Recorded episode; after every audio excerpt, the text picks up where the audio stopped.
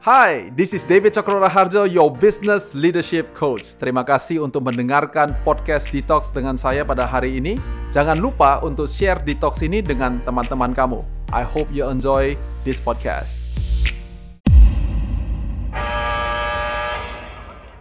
So, hari ini saya mau bercerita tentang uh, bagaimana mengalahkan stres kalian uh, memasuki tahun 2021.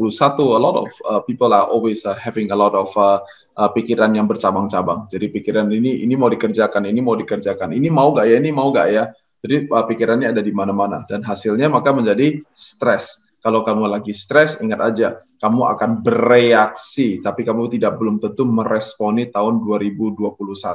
Jadi oleh karena itu, apa yang saya mau bicarakan adalah sebagian uh, sebagian adalah untuk planning tahun 2021, tapi lebih daripada itu juga supaya kalian bisa mengalahkan stres kalian. Untuk mengalahkan stres, ada satu cara atau satu teknik yang bisa kalian lakukan, yaitu adalah masuk ke dalam rutinitas. Jadi rutinitas itu justru bisa mengalahkan stres.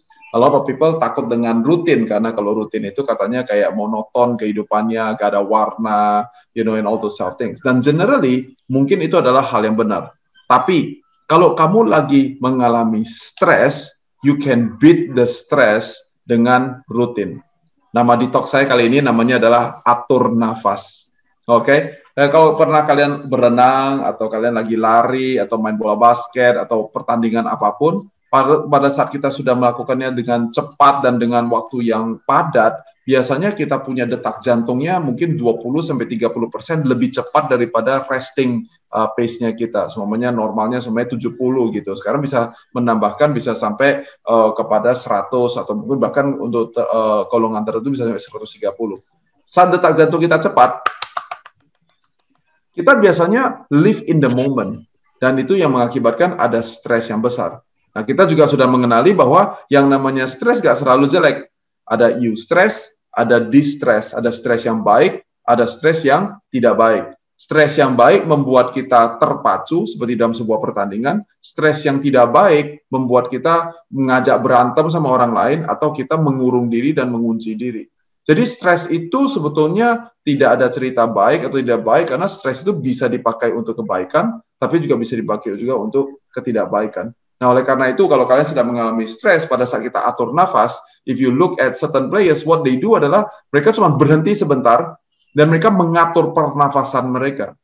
Nah, seperti itu juga kalau kita lagi melihat 2021 a lot of uncertainties, you need to take a break, mesti mesti break the stressnya dengan cara apa? Dengan cari nafas, dengan atur nafas kita. Nah, kalau kita atur nafas kita, tiba-tiba kita lebih tenang, nah barulah kemudian kita bisa melakukan sesuatu yang lebih besar. So, dia ada tiga tips yang tiga triks gitu ya yang saya mau ngajarin tentang bagaimana caranya kita mencari nafas. Untuk mencari nafas, untuk mengatur nafas, jangan mikirin 10.000 urusan. Kalau mikirin 10.000 urusan, ya jawabannya adalah gak pernah sampai di tujuan. Jadi kita mesti belajar untuk apa? Mikirin adalah cuman 2, 3, atau 4. Yang normal itu dalam satu hari, dalam satu hari mungkin kita hanya membuat 1 sampai 5 keputusan besar. Bukan memikir 200 keputusan. Karena kalau kita membuat 200 keputusan, sekali lagi, seperti kita lagi berlari, tiba-tiba kita go on the pace that is so much, dan kita kekurangan kemampuan untuk bisa meng, apa namanya membuat kita itu menjadi calm. Oke, okay? jadi itu yang sebetulnya yang kita perlu perhatikan dalam uh, melakukan itu. Nah, untuk melakukan bisa memikir dua atau tiga itu, yang pertama-tama kita mesti kill the trivia things. Ya, jadi urusan yang sepele-sepele, urusan yang kecil-kecil, nah itu semuanya mesti dimatikan. One of the biggest stress in life yaitu adalah pada saat seseorang mau menikah biasanya dia semuanya mempersiapkan sebuah pernikahan semuanya delapan bulan gitu ya. Pada saat delapan bulan, pada saat si uh, perempuan bilang adalah yes I will marry you my man. Wah kira-kira begitu ya. Wah so happy ya kan? Stres gak? Stres karena stres berikutnya adalah berpikir tentang mau pilih tempatnya di mana uh, atau mungkin belum apa namanya minta izin dari orang tua ya kan atau mungkin pikirin waduh ini bayarnya pakai apa oke okay, stresnya ada ya tapi as it gets closer and closer and closer to the D-Day, kalau kalian sudah pernah menikah, kalian mungkin ingat bahwa biasanya satu minggu terakhir, sepuluh hari terakhir, tiga hari terakhir, dan lima jam terakhir, itu biasanya yang paling dakdikduk gak karu-karuan. Ya kan? Nah khususnya, khususnya kalau orang ini adalah orang yang sangat luar biasa perfeksionis. Jadi semuanya mesti perfect, semuanya mesti flawless. Wah, tiba-tiba stress levelnya tinggi. Mulai dari uh, runnernya bagus gak bagus, bunganya cukup berkembang atau tidak, you know, uh, si fotografernya kenapa uh, apa namanya pakaiannya keluar-keluar, you know, uh, sepatunya kenapa genjreng-genjreng itu segala sesuatu menjadi masalah. Itu sebabnya salah satu uh, apa namanya pesan daripada orang tua saya yang paling paling penting sebelum saya menikah yang saya juga berikan kepada banyak orang yaitu adalah kalau mau menikah ingat gini nih, urusan besar dianggap urusan kecil. Urusan kecil dianggap bukan urusan. Bukan kebalikannya. Yang bukan urusan kita bikin itu adalah urusan. Urusan yang biasa-biasa kita bikin jadi urusan besar. Urusan besar kita bilang dunia kiamat. Nah, kalau kita berubah seperti demikian, then you are majoring in the minors, but you are not but you are minoring in the majors gitu ya. Jadi kita mesti fokus dengan apa yang kita perlu lakukan. Nah, khususnya kalau kamu lagi stres, pastikan bahwa kamu sudah menetapkan urusan yang sepele-sepele jangan dipikirin. Contoh, biasanya uh, sisir rambut uh, ini, contoh ini ini contoh yang benar-benar yang saya sudah pernah dengar soalnya ya, boleh laki-laki maupun perempuan, jadi gender uh, tidak berhubungan dengan gender. Kalau sisir rambut saya biasanya butuh 30 menit karena mesti di stylist, mesti ditaruh apa dan you know do all those things. You know what? Kill the trivia thing. Lagi stres kan? Take a cap, put it on, and you say this. Gak usah sisir rambut. Jadi tiba-tiba setengah jam hilang. Tiba-tiba gak ada gini. Setelah setengah jam, kok masih agak salah ya ke kiri kanan? Oke, redo lagi, disisir lagi. Kita lagi on stress, on a high stress. When you on a high stress, you need to pick your battle, heal the trivia things. Itu gak ada hubungannya. Performance kita tidak berhubungan dengan rambutnya disisir ke kiri, ke kanan, di tengah, berapa derajat, you know, wavy-nya berapa besar. Who cares? Heal the trivia things when you have stress. I like it when uh, Presiden uh, Barack Obama satu kali di interview uh, dia ditanya kenapa dia uh, pakaiannya cuma ada dua warna yaitu adalah abu-abu gelap dan warna uh, dark blue navy dan dia bilang adalah oh ya gampang sebetulnya saya ada tiga saya ada satu lagi warna hitam dia bilang begitu dan dia bilang gini, if it is a high formal event, saya selalu pakai yang hitam. Yang lainnya pokoknya hari-hari hari ini abu-abu, besok biru. Besok abu-abu, besok biru. Dia bilang, saya dalam satu hari mesti bikin begitu banyak keputusan. I don't want to make another decision about what should I wear today. I'm gonna wear the same thing every single day. Nah tentu kita nggak perlu sampai kayak begitu. Dan saya tahu ada beberapa orang yang punya punya hobi untuk pakai pakaian yang sama setiap hari Senin sampai Minggu semuanya kayak begitu ya. Uh, kalau lagi-lagi high stress, kita mesti pinjam gaya-gaya kayak begini. Simplify your life. Gak usah mikirin uh, kita makan apa ya dan macam-macam kayak begitu. Nah ini semuanya mesti dipikirin dengan sesuatu yang lebih sederhana, yang lebih simple dan hal-hal yang sepele-sepele-sepele semuanya dibunuh semuanya. So kill the trivia itu yang pertama. Yang kedua adalah plant the essentials. Jadi itu plan the essential itu artinya adalah kita menanam sesuatu yang sifatnya adalah sangat penting, luar biasa banget. Makanya namanya adalah essential. Sebagai contohnya, ya apa sih yang essential buat kita? Mudah-mudahan ini nggak membuat kita uh, bingung gitu ya. Essential kan pasti adalah makan gitu ya. Nggak ada orang mau makan dua kali boleh, mau makan sekali boleh. Tapi yang pasti nggak mungkin 52 hari cuma makan satu kali kan nggak mungkin gitu ya. Jadi sehari mau makan sekali, dua kali atau tiga kali. Now plan the essentials means that you understand pada saat kita lagi stres ada makanan yang membuat kita memiliki endorfinnya meningkat, ada makanan yang membuat kita tambah gerah gitu loh ya kan nah, oleh karena itu kan kita lagi lagi high stress so you need to have essential to keep yourself lebih rendah. Karena itu makanan-makanan yang lebih comfort, makanan-makanan yang memberikan energi, jangan makanannya yang santannya yang tinggi. Nah, itu pembunuh energi semuanya. Kita membutuhkan sesuatu yang membuat kita lebih bersemangat. So ini something yang lebih fresh ya kan, sayuran yang fresh, uh, buah-buahan yang fresh, yang juicy. Nah, itu semuanya memberikan energi kepada kita you know makan uh, kacang-kacangan. Nah, itu semuanya saya tidak akan jelaskan di sini, tapi itu ada ada ada makanan yang beraneka ragam. Jadi kita mesti tahu esensial kita apa. Oke, okay? setiap pagi kalau kalian semuanya uh, bangun pagi, apa yang kalian lakukan? Khususnya kalau kalian lagi mengalami stres, you need to plant your essentials. Setiap pagi apa yang saya harus perlu lakukan untuk bisa membangun energi saya. Oke, okay? salah satu stress level saya yang tinggi dalam uh, contoh yang ini adalah kalau saya lagi traveling When I'm traveling, saya biasanya typically mendarat di bandara, langsung ada meeting atau langsung ada pertemuan, dan itu biasanya terus berjalan selama mungkin 10 jam atau 12 jam, atau kadang-kadang bisa sampai 14 jam, 18 jam secara uh, berturut-turut. Oleh karena itu, itu adalah arena yang stress level saya lebih tinggi. I need to plan my essentials. One of my essentials adalah saya perlu keringetan pagi-pagi. I need to wake up and pump my heart supaya saya merasa bahwa saya ini lagi uh, apa pump my energy up. Oleh karena itu, saya punya plan esensial saya. Saya tahu saya pergi ke mana, saya punya imajinasi saya akan ada di mana. Saya tidak membuat sebuah asumsi pasti ada gym dan mesin seperti yang biasanya saya pakai. Nah, semuanya itu adalah you plan the essentials supaya apa? Stress levelnya itu memasuki sebuah rutinitas. Jadi koper saya pada saat saya bawa baik itu adalah tas kecil maupun hand carry ataupun tas yang besar, di dalamnya itu I plan my essentials.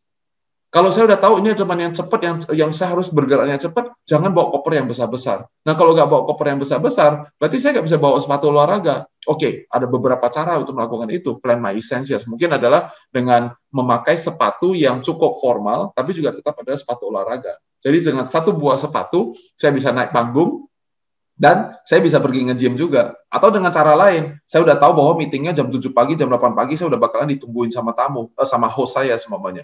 Maka my plan essentials artinya adalah saya cari olahraga apa yang tidak perlu pakai sepatu olahraga. You see? So bukan caranya adalah udah stres, udah pergi ke environment yang stres, and then you don't plan your essentials, bangun pagi masih mikirin, oh, mau pakai baju apa, gua nanti mau ngapain. Nah, sudah kadung terlambat semuanya, maka stress levelnya jadi semakin meningkat. Even if you started with an eustress, stress yang baik, you will ended up with a distress, stress yang tidak baik. Oke, okay, so the second one yaitu adalah you need to plan your essentials. Yang ketiga yaitu adalah ini penting sekali, yaitu adalah take a break regularly. Oke, okay? kalau saya masuk stress environment yang tinggi, saya selalu memiliki break yang regular. Contoh, kalau semuanya dalam satu hari dari jam 7 pagi sampai jam 10 malam, saya punya back to back, back to back, back to back meeting. Jadi itu biasanya bisa antara 10 sampai 14 meeting dalam satu hari. Itu high stress level banget itu. Sekali lagi, it could be a you stress, stress yang baik, karena saya sedang melakukan pekerjaan yang penting, tapi tetap aja 14 jam back to back punya uh, Zoom call, itu adalah high stress environment. Nah, so what do you do? You take a break regularly semakin tinggi stresnya, semakin kita mesti take a break regularly. Gitu ya. Nah, take a breaknya ini bisa macam-macam. Gak selalu berhubungan dengan istirahat. Oke, okay? be creative. Tergantung dengan environment kalian, rumah kalian, kantor kalian, atau tempat di mana kalian pergi.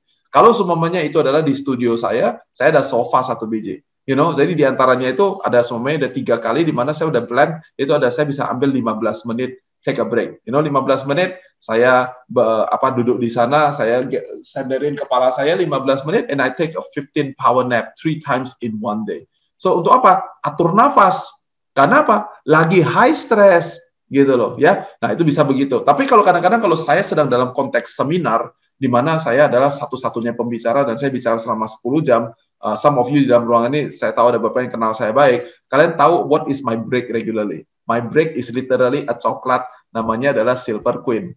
You know, so I have that, um, you know, don't ask me why I eat Silver Queen all the time. It is sesuatu yang dulu kecil saya makan, and it's a comfort food for me. You know, some people tell me itu kan coklatnya bukan coklat kualitas yang tertinggi, if you may like that. Kacangnya bukan kacang kualitas tertinggi. It doesn't matter. Itu bukan hubungannya dengan uh, kualitas, itu berhubungan dengan sesuatu yang membuat saya bisa mengatur nafas saya. So when I take that satu keping uh, silver queen, habisnya saya mungkin mungkin mau di apa, mau di endorse sama silver queen gitu ya. Saya satu keping silver queen, saya masukin di mulut saya dan bikin dia lumer di mulut saya. Saya merasa wah that is like the best break I ever have.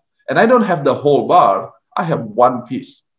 I give you another example. Saya manjat Gunung Rinjani tiga kali dalam waktu dua tahun. Pas setiap kali saya naik, when I entered the high stress uh, pace yaitu adalah pada saat summit attack, what I do adalah setiap kali saya berjalan selama satu jam, saya mengambil break selama lima menit dan dalam lima menit itu, you know what I eat? I eat my silver queen and my aqua satu teguk. Pada saat sudah mulai naik lagi tambah ke atas, tambah capek, tidak lagi selama satu jam, tapi setiap 30 menit. Dan terus all the way sampai 10 langkah, and I take a break, 10 langkah, I take a break. You take one step at a time on a super high stress environment, and then dengan break yang secara regular, kita bisa mencapai tujuan kita dengan baik. Oke, okay? jadi ada tiga. Yang pertama, kill the trivia. Yang kedua, plan the essentials. Yang ketiga adalah take a break regularly. My plus one for today yaitu adalah ritual community. Oke, okay? ada kata dua kata. Satu kata komunitas, satu lagi kata ritual. Oke, okay? kalau kalian ada dalam sebuah stres, kalian perlu punya ritual. Ritual itu seperti sebuah agama, ada peraturan-peraturannya. Uh, orang beragama Islam pergi ke masjid hari Jumat, orang Kristen pergi ke gereja hari uh, Minggu, uh, you know, dan seterusnya dan seterusnya. Jadi itu namanya ritual. Udah masuk ke dalam, ada aturannya, ada ritualnya. Ada yang mesti cuci tangan dulu, ada yang mesti berdoa dulu, ada yang mesti uh, taruh sembayangan dulu. Nah itu semuanya adalah ritual. What is your ritual? Kalau kalian sudah seperti saya yang sudah melakukan rutinitas secara uh, ekstrim, ya kan? Maka uh, yang kata kuncinya adalah karena saya punya ritual dan di dalam ritual itu saya juga punya komunitas. Artinya I am not alone. Now, when I say komunitas, gak perlu komunitas ribu orang, tapi juga jangan sendirian because one is a very lonely place. So you do it yourself and then suddenly you feel like oh man it's so boring, it's so boring, agak begitu. Nah, very soon mungkin dalam kira-kira mudah-mudahan sebelum kita menutup tahun 2020, uh, I'm gonna do um, a, new di, uh, podcast. Uh, I haven't called it yet. I feel like I want to call it DT Trash Talk. You know, but anyway, di dalamnya itu adalah ada sebuah live statement yang setiap hari saya lakukan. And it is a ritual. Saya lakukan setiap hari dari hari Senin sampai hari Minggu, dari Januari 1 sampai Desember 31. I say it again and again. Tapi tidak sendirian, but it is communal. Saya lakukan itu bersama dengan ketiga anak saya, sampai anak saya yang kecil-kecil juga semuanya juga bisa mengakukan uh, life statement yang sama.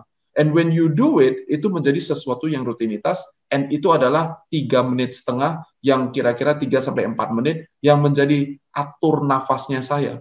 And I do it every day. Baik saya lagi stres, saya tidak stres, saya lagi hidupnya lagi hektik, tidak hektik. And when I do it, saya mengambil 3-4 menit di mana seperti seorang olahragawan, saya mengatur nafas saya.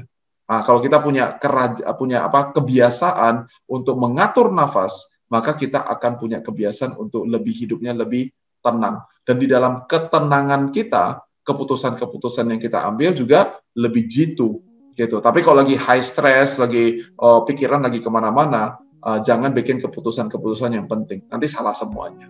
Okay? so uh, itu yang saya mau sampaikan kali ini. I hope this is uh, useful, especially if you are going through stress right now. Thank you for listening to Detox with David Chokro Raharjo. Please share this podcast to all social media that you have. Kalau kamu mau tahu lebih banyak tentang Coach DT, kamu bisa cek description box dari Detox ini atau go to our website di www.davidcokroraharjo.com. Dan jangan lupa untuk follow Instagram Coach Diti di @dtjokr.or.